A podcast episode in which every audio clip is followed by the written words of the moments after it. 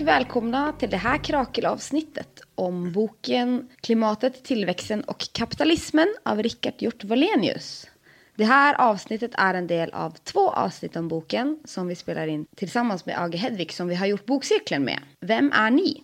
Ja, eh, jag kan presentera mig. Mitt namn är Erik, jag är en del av Age Hedvig. Eh, vi är då en Malmöbaserad eh, aktionsgrupp. Så vi sysslar med eh, klimat och eh, aktioner framför allt. Och sen jobbar vi en del också med, eh, ja, jag vet inte, det känns pretentiöst att kalla det för folkbildning. Men eh, vi gör till exempel poddar under vår egen poddkanal. Ehm, eh, och vår poddserie heter då Klimatet eller kampen om tiden. Mitt namn är Sigrid och har varit med och leder den här cirkeln om den här boken. Och lite kort om boken. Den den är ju skriven av en eh, humanekolog eh, som heter Rickard Hjort Wallenius. Vi kommer antagligen kalla honom bara Wallenius eh, eller Rickard under eh, samtalet eh, för att göra det lite kortare och smidigare. Han är eh, aktiv vid Göteborgs universitet framför allt eh, och han är också, som kan vara värt att ha i bakhuvudet nu under samtalet, eh, aktiv i Vänsterpartiet. Eh, Jag vet inte exakt vilken roll han har där, det kommer jag inte ihåg, men han, han finns med i, i periferin där på något vis. Ja, så boken går, tar oss liksom igenom klimatfrågan, olika perspektiv historiskt och politiskt på den. Och gör det genom att eh, fokusera på tre diskurser som Wallenius tycker är viktiga och liksom stora har varit stora under längre tid inom klimatfrågan. så det är Green New Deal, grön tillväxt och eh, Nedväxt, exakt degrowth. degrowth. Eh, Så det här avsnittet kommer vi prata om de här diskurserna. Eh, men de tar han upp för att kunna svara på fyra hypoteser om hur man kan lösa klimatkrisen. Då. För han säger liksom, vi har inte tillräckligt med tid att testa de här olika vägarna. Vi behöver hitta en väg som vi sen kan liksom köra hårt på. Mm. Precis, så, så hela, hela frågeställningen som, som boken är baserad på är de här fyra hypoteserna. Och han säger att av dessa fyra, som vi kommer eh, nämna alldeles strax, så är alla eh, sannolika. Eh, alla har väldigt mycket eh, empiri och teori bakom sig, eh, enligt honom. Men om det är så att alla fyra är sanna så kommer det vara omöjligt att lösa eh, klimatfrågan helt enkelt. Och då syftet med boken och hela den här eh, utläggningen han, ger sig in på är alltså eh, ett försök att identifiera den svagaste av de här fyra hypoteserna. Eh, för att eh, på så vis eh, landa i att klimatfrågan går att lösa och också att det här då, vilken av dem som är den svagaste ska också peka ut vilken väg framåt som man ska röra sig rent politiskt. Så de här fyra hypoteserna är den första. Koldioxidutsläppen behöver minska radikalt om vi ska undvika katastrofala klimatförändringar. Den känner vi väl är ganska rimlig. Ja, vi kommer inte spendera så mycket tid på den. Nej, nej men den känns okontroversiell i de eh, vettigas eh, led. Sen hypotes nummer två. Ekonomisk tillväxt leder till ökade koldioxidutsläpp. Ja. Den, eh, ja, den eh, tål att tänkas på. Eh, Den är nog kontroversiell i vissa grupper och mindre kontroversiell i andra. Vi återkommer till den. Nummer tre. Kapitalism är otänkbar utan ekonomisk tillväxt. Och sen den sista eh, hypotesen, nummer fyra. Kapitalismen kommer sannolikt inte att falla inom den tidsram vi har på oss för att åstadkomma en drastisk utsläppsminskning. Så de här diskurserna har olika svar på den här frågan. Liksom, hur ser de på staten? Hur ser de på marknaden? Hur förstår de ekonomin? Hur förstår de växt, tillväxt? Alltså, ja. olika delar av den rör sig inom olika ja, politiska sfärer. Som gör att de får olika svar på de här hypoteserna. Så de här diskurserna, eller alltså ramarna för samtal och principerna som man har inom en diskurs. Eh, som leder till vilka slutsatser man kan få. Spenderar väldigt mycket tid på att liksom visa upp så att man sen kan svara på frågan. Så därför tycker vi det är spännande att gå igenom de här diskurserna. Också för att det är en rätt lång bok. Så Exakt. vi, eh, Minst sagt. det får de intresserade av klimatfrågan också, liksom de som varit inom det ett tag. Eller inom liksom. Detta är inte så här, hur ska vi lösa klimatkrisen? Det var så här. Hur tänker de som tänker på att lösa klimatkrisen? Exakt. Ja, men precis. Boken är uppdel, eh, verkligen uppbyggd på ett sådant sätt att man först går igenom en idéhistorisk och eh, rent eh, ekonomihistorisk eh, berättelse av de senaste 100-200 åren och hur man har sett på de olika frågorna och, och tänkt kring de här sakerna. För att sen prata mer om Valenius bild av hur det ska lösas. Ja, det präglas lite av att han är föreläsare på ett universitet och vill ha den här in i mm. läslistan. Precis, det är Men det är väldigt okay. mycket kurslitteratur över det. Ja, det gör den också enklare att läsa, liksom. det är mm. väldigt så här pedagogiskt uppbyggt. Så det, det, mm. det gör den också bättre. Ja, men exakt. Vi, vi kommer säkert nämna det flera gånger, men oavsett vad man tycker om hans slutsatser så är den eh, intressant att läsa bara för, eh, som en historisk överblick och eh, väldigt, väldigt allmänbildande jag känner ändå efter att ha läst en del klimatrelaterade böcker under några års tid nu, liksom, så länge som jag har varit intresserad i frågan, liksom, eh, att eh, det som var väldigt skönt med den här boken är ju att den eh, sätter, sätter allting i, i en kontext, typ. Att man har läst lite här och sen lite där och sen har man läst lite från det ena och lite från det andra perspektivet. Men han sätter liksom i en, en röd tråd liksom, genom historien och också liksom, placerar ut allting på någon slags idé mindmap.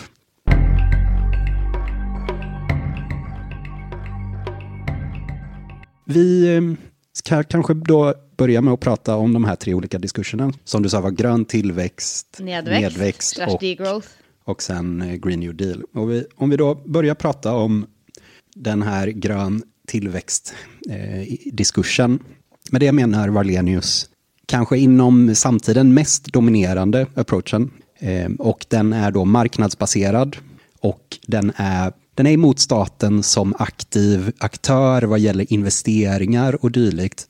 Utan den tror ju istället på marknadsbaserade lösningar som olika typer av miljöekonomi. Det här kan ju då vara eh, olika typer av skatter eller även subventioner skulle man väl kunna se det som, men eh, olika sätt att internalisera kostnader för eh, klimatrelaterad skada till företagen och eh, dessutom eh, då externalisera vinster. Så man ser helt enkelt hela miljö och klimatproblematiken som någon typ av marknadsmisslyckanden och statens roll blir förvisso åtgärda då de här problemen som de här marknadsmisslyckandena genom olika typer av ja, statliga system som skatter och förbud kanske till exempel. Alltså man lägger hela ansvaret för det här samhällsproblemet på marknaden för att lösa. Mm. Och det, det ger ju en helt en rad med olika mm, förslag som baserar sig på liksom, hur kan marknaden fixa det, mm. det här marknadssystemet. Kvotsystemet är till exempel mm. så här exempel. På... Alltså utsläppshandelskvoter eh, då tänker du? Ja, Exakt va? Mm. Att man lägger ett pris på att släppa ut mm. koldioxid i atmosfären och så. Prisen ska justeras och på det sättet ska mm. man sluta släppa ut. Exakt. Men, men man, man sätter ändå marknaden som den beslutande Eh, Eh, aktören i vad som ska produceras och hur det ska produceras och så vidare. Så det är inte staten själva som går in och säger hur vi ska lösa klimatproblematiken, utan den sätter bara ramverket och sen ska marknaden skapa en optimal lösning utifrån detta. Och eh, det, det innebär ju också för mm, att man har en syn på ekonomin att den kan växa Eh, det är en väldigt teknikoptimistisk eh, syn på eh, problemet. Alltså man tänker att ny teknik kommer lösa allting. Man har dessutom köpt en bild av ekonomin och klimatet som går ut på att intensiteten, alltså utsläppsintensiteten i ekonomin följer den så kallade kustnätskurvan. Alltså att ju rikare ett land blir, desto mindre utsläpp har man per ekonomisk aktivitet, så att säga. Alltså koldioxid per genererad, eh, producerad dollar kommer sjunka när man blir mer och mer utvecklad. Så på så vis tänker man att eh, man kommer lösa problemen helt enkelt genom att ju mer utvecklad en ekonomi blir, desto, desto mer miljövänlig blir den. Det är endast genom att vi blir rikare som vi kommer ha råd att lösa klimatet. Så skulle en grön tillväxt-anhängare kunna säga. Det, det låter ju som någonting Annie Lööf skulle säga, ja. eller ja, någon annan tjomme liksom. Och i det här så är den här frikopplingen, frikopplingen mellan koldioxidutsläpp och produktion blir väldigt viktig. Och det mm. är ett viktigt begrepp genom hela boken och en ganska central, mm. i, central fråga. Exakt, ja, det här är en av Valenius käpphästar, liksom synen på frikoppling. Centralt i grön tillväxt har man den här idén om en hållbar utveckling som baserar sig på marknadsutveckling också. Liksom. Mm. Det här finns ju även inom eh, FNs klimat... eh, Exakt.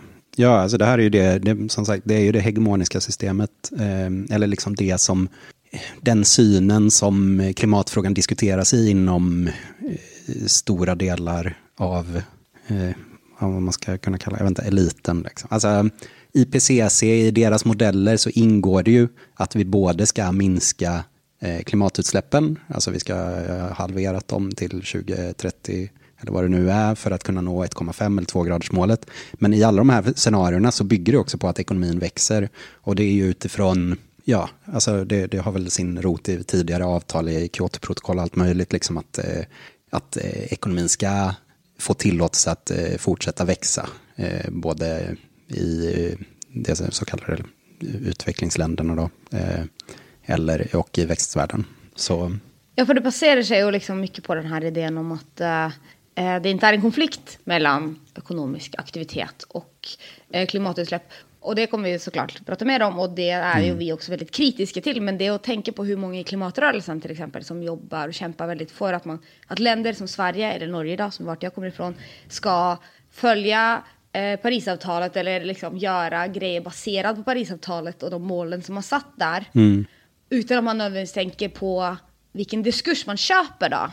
Och därför tycker jag det här liksom är en viktig och spännande genomgång liksom, som boken gör. Den visar väldigt tydligt att det är liksom inte som att de, de här diskurserna är opolitiska. Men de är rätt viktiga för hur vi sen kämpar för andra eh, vinster inom klimatfrågan. Och att stora klimatorganisationer i Sverige och Norge ja, och över hela världen egentligen kämpar för den här ja, IPCC-rapporten ska tas seriöst. Och kanske är inte tillräckligt kritisk till vilka politiska ramer man också köper eller man får med på köpet då, på något sätt. Nej, nej men exakt. Alltså, um, det är nog många inom eh, klimat och miljörörelsen som eh, själva till stor del köper mycket av argumentationen som finns i, i eh, den så kallade gröna tillväxtdiskursen. Och det man förstår av att läsa det här är ju hur oradikal den är. Liksom. Eh, Verkligen men, men eh, här lyfter ju Valenius fram någon slags eh, argumentation också kring hur realistisk den är rent politiskt. Och det kan man ju säga att det, den är ju realistisk på så vis att alla stora institutioner ställer sig bakom den, åtminstone på pappret. Men han menar ju då också att det finns någon slags eh, populistisk eh, appeal med det här eftersom det då finns delar av eh, kapitalet, det så kallade gröna kapitalet, alltså det som är kopplat till det som man skulle kunna kalla för omställningsindustrierna. Liksom. Att då finns de som potentiella alliansparter då. Att det, då skulle man, den, den dagen de blir starkare än fossilkapitalet så, så öppnar det upp möjligheter för att göra gemensam sak. Liksom. Mm.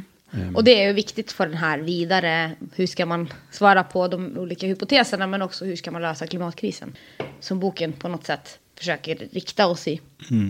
Och sen på tal om populism så är det ju också den här grejen att det är ju en väldigt, väldigt bekvämt meddelande för en politiker att säga vi kan lösa klimatet utan att det ska ha någon som helst påverkan på er livsstil. Ni kommer, vi kommer ha tillväxt, ni kan eh, förvänta er eh, de här löneökningarna och de här eh, satsningarna på välfärd, jada jada. För det finns ingen motsättning mellan klimat och ekonomi. Ja, och, kanske eh, ännu viktigare, vi tänker inte skattlägga eller göra någonting med de absolut rikaste i samhället, för de är en del av lösningen. Istället för en del av problemet som man kanske skulle ha tänkt om man kollade på hur den ena procenten i världen egentligen gör. Liksom. Då blir det ingen, det är ingen konflikt mellan de absolut rikaste och mål om att lösa klimatkrisen. Nej, och det kommer, om det nu skulle vara det, så kommer det lösa sig via att de här olika marknadsmekanismerna som man då inför som eh, klimatskatter och så vidare. Så det, eh, marknaden kommer eh, upplösa liksom behovet av politisk konflikt och istället kommer det bara avpolitiseras via olika marknadsmekanismer. Så grön tillväxt är intressant för att det är den hegemoniska diskursen. Yes. Men så finns det ju andra diskurser som kanske är mer intressanta för folk som är radikala och inte önskar marknadslösningar. Och det är de två senaste diskurserna, nedväxtdiskursen och Green New Deal. Men den här nedväxtdiskursen, den får mycket uppmärksamhet i den här boken. Eh, Ja, Precis, han har ju valt ut den som sin motpart att argumentera emot på något vis. Ehm, mm. Ja, det tyckte vi var spännande i vår, eh, vår studiecirkel. För vart han sa liksom att det här är liksom den största diskursen. Mm. Och vi tänkte väl, vi håller väl inte helt med om att det är det. Men så att ni, eh, ni kan nog tänka själv efter att ha Alltså- hört alltså den ju- genomgång. Liksom. Den är ju väldigt stor inom den, eh, slarvigt uttryckt, den radikala klimatrörelsen. Eh, och den har väl fått visst genomslag via liksom typ att Greta Thunberg ofta citerar liksom idéer från, från degrowth-rörelsen, eh, kan man säga. Eh, men, och den är ju kanske stark inom vissa akademiska eh, fält som, eh, som Wallenius själv säkert har umgå- eller rört sig i väldigt mycket. Men vilket genomslag den har på samhällsnivå är ju fortfarande väldigt, väldigt begränsat. Så när han säger att det är den största diskursen så håller jag med. Alltså det är ju, ja, vad, vad är stort och vad är litet i det här fallet?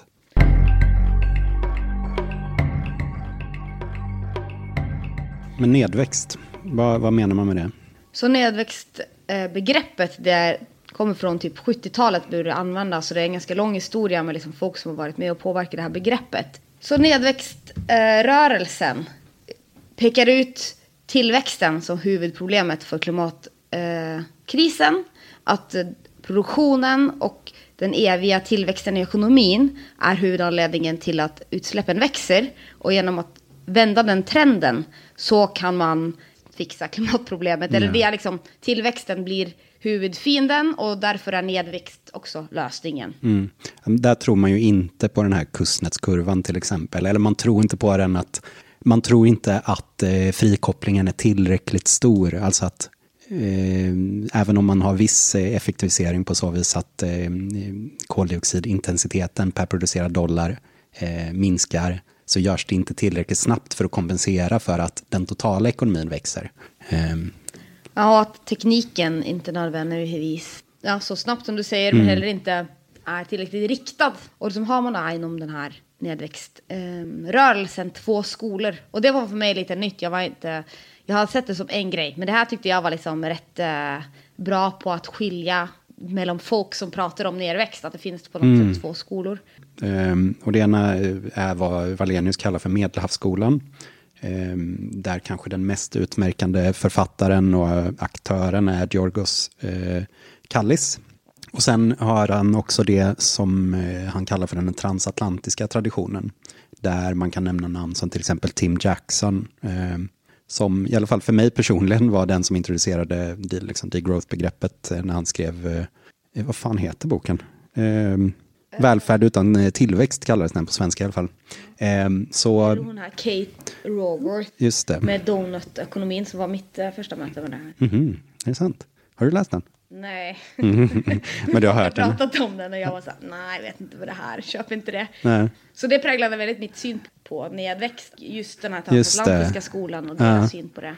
Precis. Men det finns den här medelhavsskolan som är mycket mer kritisk. Precis, man kan väl säga att eh, transatlantiska skolan är ju, den är ganska eh, amerikansk på så vis att den är, alltså de tror väl delvis att man kan ha, det, det handlar ju mycket, ingen av de här skolorna tänker ju att man ska ha tillväxt, utan de ser ju sig antingen en, en eh, de tänker sig någon slags stationär ekonomi efter något visst eh, fas av nedväxt, skulle jag nog ändå tro att de flesta skulle göra. Men då är frågan sen, hur går det här att kombinera med ett kapitalistiskt system? Och där kommer väl Medelhavsskolan utifrån en mer så här strukturalistisk eh, tradition och där de flesta antagligen skulle säga att eh, nej, det går inte att kombinera eh, med eh, ett kapitalistiskt system att ha nedväxt. Eh, Medan den eh, transatlantiska traditionen är mycket mer positivt inställd. Där handlar det mer om att designa om systemet på ett sådant sätt att det går att kombinera eh, att ha kvar ett kapitalistiskt system, om man nu nödvändigtvis vill ha det, eller tror att det är viktigt, eh, så, så går det fortfarande att ha det och en nedväxt eller stationär eh, ekonomi. Om man ska vara lite snäll så vill de inte ta den kampen. Men, men jag tänker det, det kan ju vara värt att ha med sig i bakhuvudet här när man pratar om degrowth. För hela degrowth-rörelsen, det kanske man, om man har läst mycket sån litteratur innan så kanske man redan har det på känn. Men jag tycker framförallt att av att ha läst den här boken så får man verkligen ett perspektiv på att den är verkligen inte enhetlig Eh, den är väldigt spretig, folk har väldigt olika visioner om hur det här degrowth-samhället ska se ut. Man har ganska olika bild av vad det är som ska eh, nedväxas, eh, om jag får hitta på ett eget ord. Mm. Eh, så, men, men de här tydliga, eh, de här olika skolorna som finns, eh, tycker jag personligen, eh, ja, alltså man, man känner ju att man har lättare att relatera till vissa degrowth-författare än andra. Och då, då kan det nog vara, det här är en förklaring till det, liksom, att det ändå finns de här eh, hyfsat tydliga kategorierna. Och huvudpoänget här då, hos båda skolorna är att i motsättning till grön tillväxtdiskursen så måste ekonomin minska i storlek. Och tillväxten av ekonomin måste avta för att man ska kunna lösa klimatproblemet. För det är helt enkelt, och det, det utgår ju liksom om, det utgår från en ganska enkel räkneexercis som till exempel Tim Jackson har gjort. Då, att om man säger att för att nå Parisavtalets eh, mål om 1,5 eller 2 grader så då behöver man ha en viss eh, procentsats som eh, klimatutsläppen behöver minska per år. Och om allting, Eh, om man bara kollar rent historiskt och ser hur hur mycket ekonomin rent har frikopplats eller effektiviserats eller vad man nu vill kalla det, så når den aldrig upp till de procentsatserna av sig självt, vilket då eh, rimligtvis borde innebära att då räcker det inte med att förlita sig på, på de utsläppsminskningar som orsakas av teknikförbättring, eh, utan man måste också minska den totala ekonomin. Så det är därifrån nedväxtbegreppet kommer på något vis. Ja.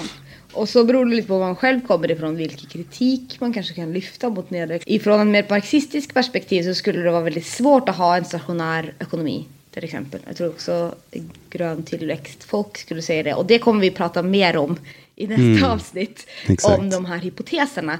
Så får man följa med över till Age Hedvigs podcast och så lyssna på det. Mm. Cliffhanger. Mm -hmm. um, man kan väl bara lite kort um, lyfta ett par kritiker som finns mot eh, nedväxttanken. Och det är att eh, till exempel även en krympande eller en stationär ekonomi eh, kommer ju fortfarande förbruka resurser och inte nödvändigtvis på, då, på ett hållbart sätt. Alltså det kan ju fortfarande vara en ohållbar ekonomi. Um, Särskilt om det är ett marknad som ska styra vart allokeringen av resurser mm. och inte något demokratiskt beslut.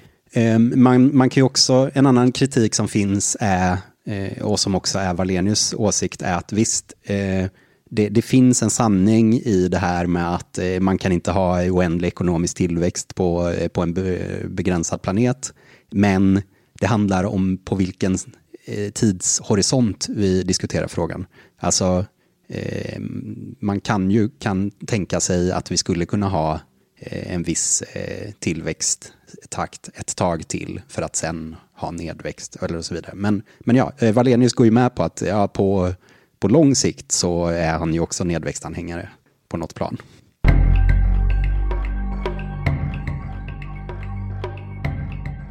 Men den riktningen som man verkligen är anhängare av och lyfter som lösningen i boken, det är det här Green New Deal eller grön ny giv som det heter på svenska som är en idé som baserar sig på Roosevelts New Deal på 30-talet i USA. Så en stor ekonomisk eh, paket från staten om hur man ska transformera samhället. Mm. Mycket statlig styrning, eh, mål som staten har satt mm. upp som de själv försöker nå genom egna medel och få styra samhällsutvecklingen genom en sån här plan. Då. Mm utan att säga planekonomi, vilket det verkligen inte är, så är det ju liksom ett sätt att använda staten mm. som det viktigaste verkmedlet för att ändra samhället. Men det är ju en ganska sossig idé, mm. måste man ju kunna säga. Eller även om det just nu kan kännas ganska radikalt att staten ska gå in och säga eh, vi ska inte göra så och så, vi ska göra så och så. Privata mm. aktörer i marknaden får inte bestämma. Så har det väl historiskt varit ett socialdemokratiskt projekt med den här ekonomen Keynes mm. som liksom ganska viktig eh, ideolog, även om han själv inte nödvändigtvis var sosse. Så är det ju, eh, när han lyfter det här som liksom lösningen, så är det ingen radikal revolutionär idé just. Men ändå kan det kännas ganska, ganska radikalt i, i dagens mm. dis diskussion om hur man ska lösa klimatproblemen. Mm, precis, alltså man kan ju säga att, alltså det är ju så, alla de här diskurserna är ju en, en generalisering utifrån väldigt spretiga åsikter. Men en, ett, eller om man ska citera Varlenius om hur han vill sammanfatta Green New Deal-diskursen så säger han att citat Idéerna och prak praktikerna som klumpas ihop här prägas alltså av en misstro till kapitalismens självstyrande förmåga. Det ekonomiska systemet betraktas som huvudorsaken till klimatkris och miljöförstöring, liksom till sociala orättvisor. Det kapital kapitalismkritiska eftersom det bygger på insikten att varje förbättring kräver en inskränkning av kapitalismens väsen, en styrning, som oftast går emot kapitalismens spontana riktning. Och inom den här idétraditionen, eller vad man ska kalla det, mm.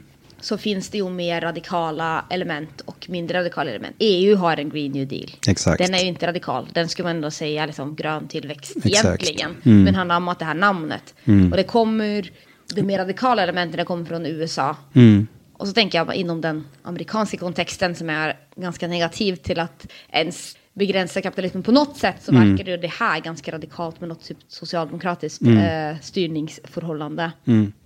Precis, och man kan väl säga att alltså, Green New Deal, de, de skulle säga att eh, eller Green New Deal-förespråkare skulle väl säga att deras eh, syn på tillväxt och frikoppling är, är lite mer komplicerad. De ser ju inte som tillväxten som nödvändigtvis ett mål i sig, men de ser det inte heller som någonting som är ett problem. Eh, Valenius kallar dem för tillväxtagnostiker. Alltså, det, det, viktigaste är inte hur, huruvida man har stor eller liten eller ingen eller negativ tillväxt, utan det, det viktiga är vad man orsakar för typ av ekonomisk aktivitet och vad den i sin tur har för konsekvenser. Eh, till exempel då på växthusgaser. Mm. Och här kommer den här idén om frikoppling tillbaka igen. Exakt. Som en del av den här lösningen. Mm. Alltså på något sätt måste man köpa idén om frikoppling. För att de här planerna verkligen ska kunna få de effekterna man önskar. Om man inte ska göra någonting med växten i ekonomin. Mm. Exakt. Um, så han, han lyfter ju en del historiska exempel. De, de flesta här är ju av hans exempel, som vitt jag kommer ihåg, så är de kopplade till olika typer av kärnkraftssatsningar eh, runt om i, i Europa. Eh, så det, det kan man ju ha med sig. Men eh, han menar helt enkelt då att under sådana stora statliga investeringsprojekt där de tar en teknik och applicerar den på stor skala, då kan man se eh, märk mätbara eh, minskningar i, i koldioxidintensiteten i, i ekonomin. Men, men man kan också säga att eh, Green New Deal-förespråkare lite beroende på var de befinner sig på den här stat-marknadsskalan kanske, eller vart de befinner sig i sin grad av eh, vänsterradikalitet, så är de väl också olika positivt inställda till andra typer av marknadsmekanismer. Alltså Valenius lyfter ju själv olika typer av miljöskatter och subventioner. Alltså, det, det, finns fortfarande med eh, stora element av marknadslösningar. Eh, så det är ju mer en blandekonomi i, i, i socialdemokratisk anda. Eh, Verkligen. Men någonting som är väldigt eh, ändå utmärkande för hela diskursen skulle jag säga, eller så som jag förstår det, är ju också det här teknikoptimistiska eh, draget som finns i den alltså den är ju teknikoptimistisk och den är också väldigt nationellt baserad. Eh, alltså den, den utgår ju från nationalstaten på ett annat sätt än många degrowth-förespråkare eh, skulle göra. Ja, för jag tänker att det där med staten är den absolut viktigaste markören av den här diskursen. Att man ser att marknaden inte har möjlighet att allokera resurser och tänker att det är det staten som ska göra det istället. Och där är de ju tydligare än till exempel nedväxt. Vem är det som ska ta besluten? Vem är det som ska bestämma vart resurserna ska gå?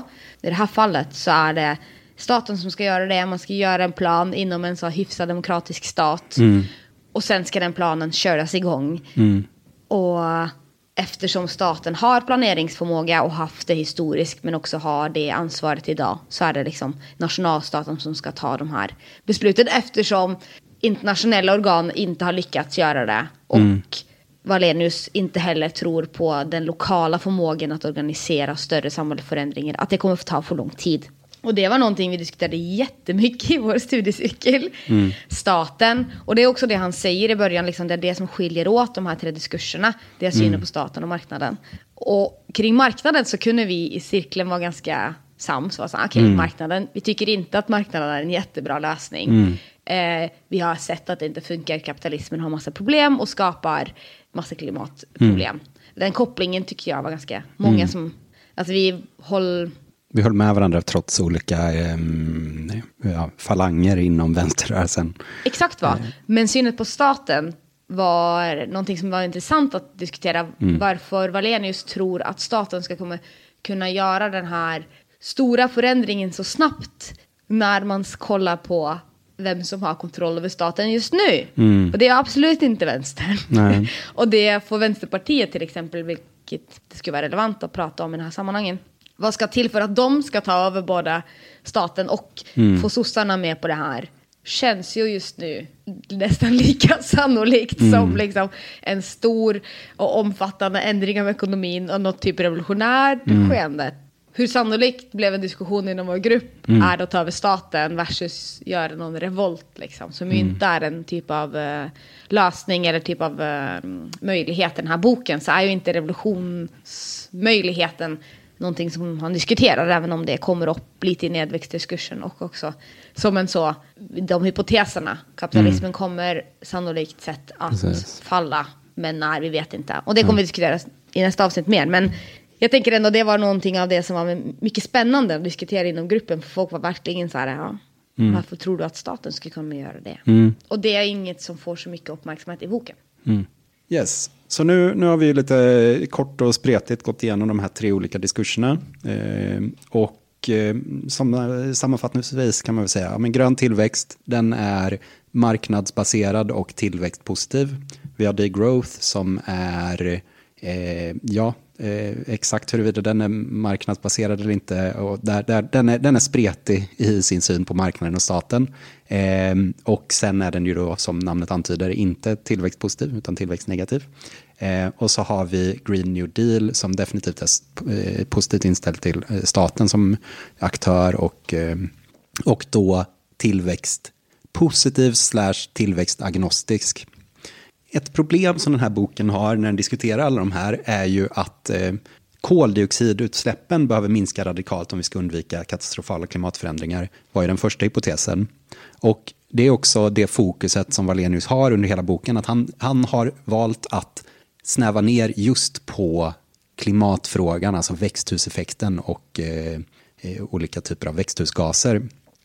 Och detta är ju förståeligt för att boken hade blivit eh, alldeles för spretig och eh, jag, jag, jag, uppskattar ändå att han reducerade frågan som en liksom, intellektuell övning på så vis att det var lättare att närma sig de olika diskurserna eh, och eh, liksom, ja, det var, det var helt enkelt lättare att tänka kring de här sakerna när man bara fokuserar på ett problem. Men han landar ju i att han tycker att Green New Deal-approachen är eh, den rimliga och det märks väldigt tydligt när han skriver om de här att det är hans, eh, den diskurs som han själv liksom eh, rör sig inom numera.